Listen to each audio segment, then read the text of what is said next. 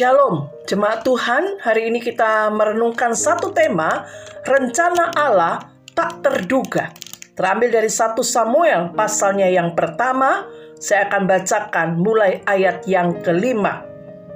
Meskipun ia Elkana mengasihi Hana, ia memberikan kepada Hana hanya satu bagian, sebab Tuhan telah menutup kandungannya.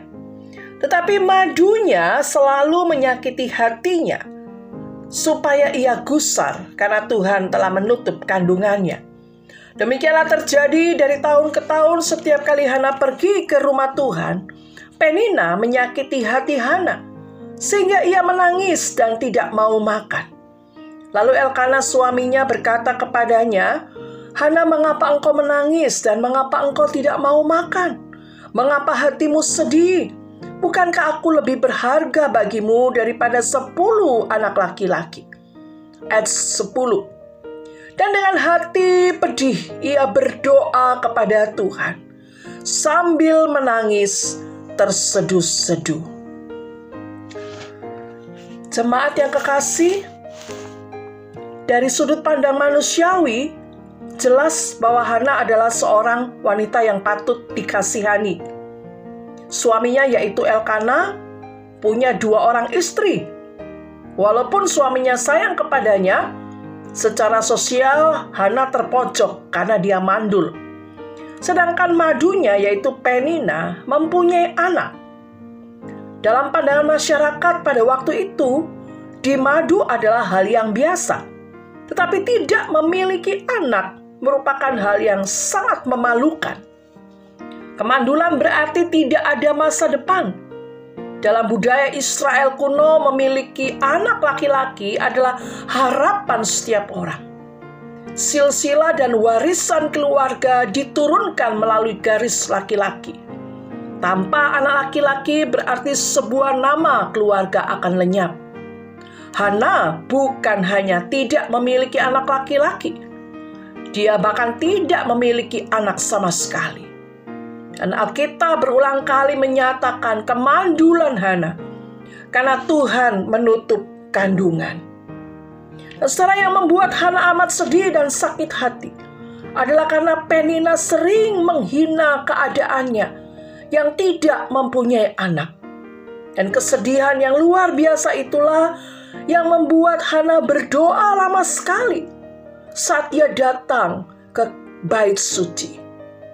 Imam besar saat itu yaitu Imam Eli sampai menduga bahwa Hana sedang mabuk karena Hana lama sekali berdoa dalam hati dengan mulut berkomat kamit. Hana sama sekali tidak menyangka, saudaraku, bahwa Allah akan memberikan Samuel seorang yang akan menjadi hakim Israel yang terakhir yang akan memimpin seluruh bangsa Israel. Saudara, bagi anak-anak Tuhan, persoalan bukanlah akhir perjalanan. Persoalan adalah perjalanan menuju kemenangan. Hana menolak untuk menyerah. Dia memilih untuk berserah. Berserah kepada Tuhan yang menutup kandungannya. Dan ternyata luar biasa. Rencana Allah tidak terduga. Rencana Allah lebih besar. Kisah satu Samuel ini merupakan persiapan dari Allah untuk keberlangsungan umat Israel ke depan. Bahwa Allah sedang mempersiapkan seorang pemimpin yang baru. Bapak Ibu Saudaraku, cara pandang Allah berbeda dengan manusia. Manusia hanya melihat apa yang bisa kelihatan saat ini, tapi Allah melihat jauh ke masa depan. Apa yang saat ini nampak menyedihkan, mungkin merupakan permulaan sukacita yang tak terbayangkan, yang Allah sedang siapkan untuk masa depan. Itu sebabnya orang beriman dapat selalu meyakini perkataan Tuhan Yesus Berbahagialah orang yang berduka cita, karena mereka akan dihibur.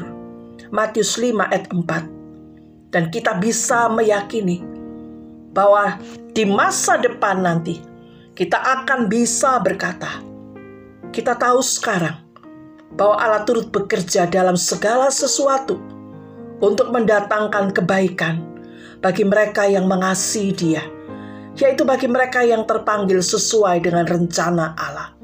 Roma 8 ayat 28. Kesusahan sementara yang kita alami saat ini akan diganti dengan sukacita yang kekal.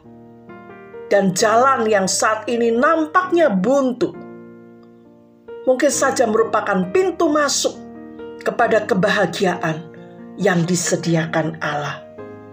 Saudaraku percayalah akan janjinya yang besar, rencananya yang indah, rencana Allah yang tidak terduga.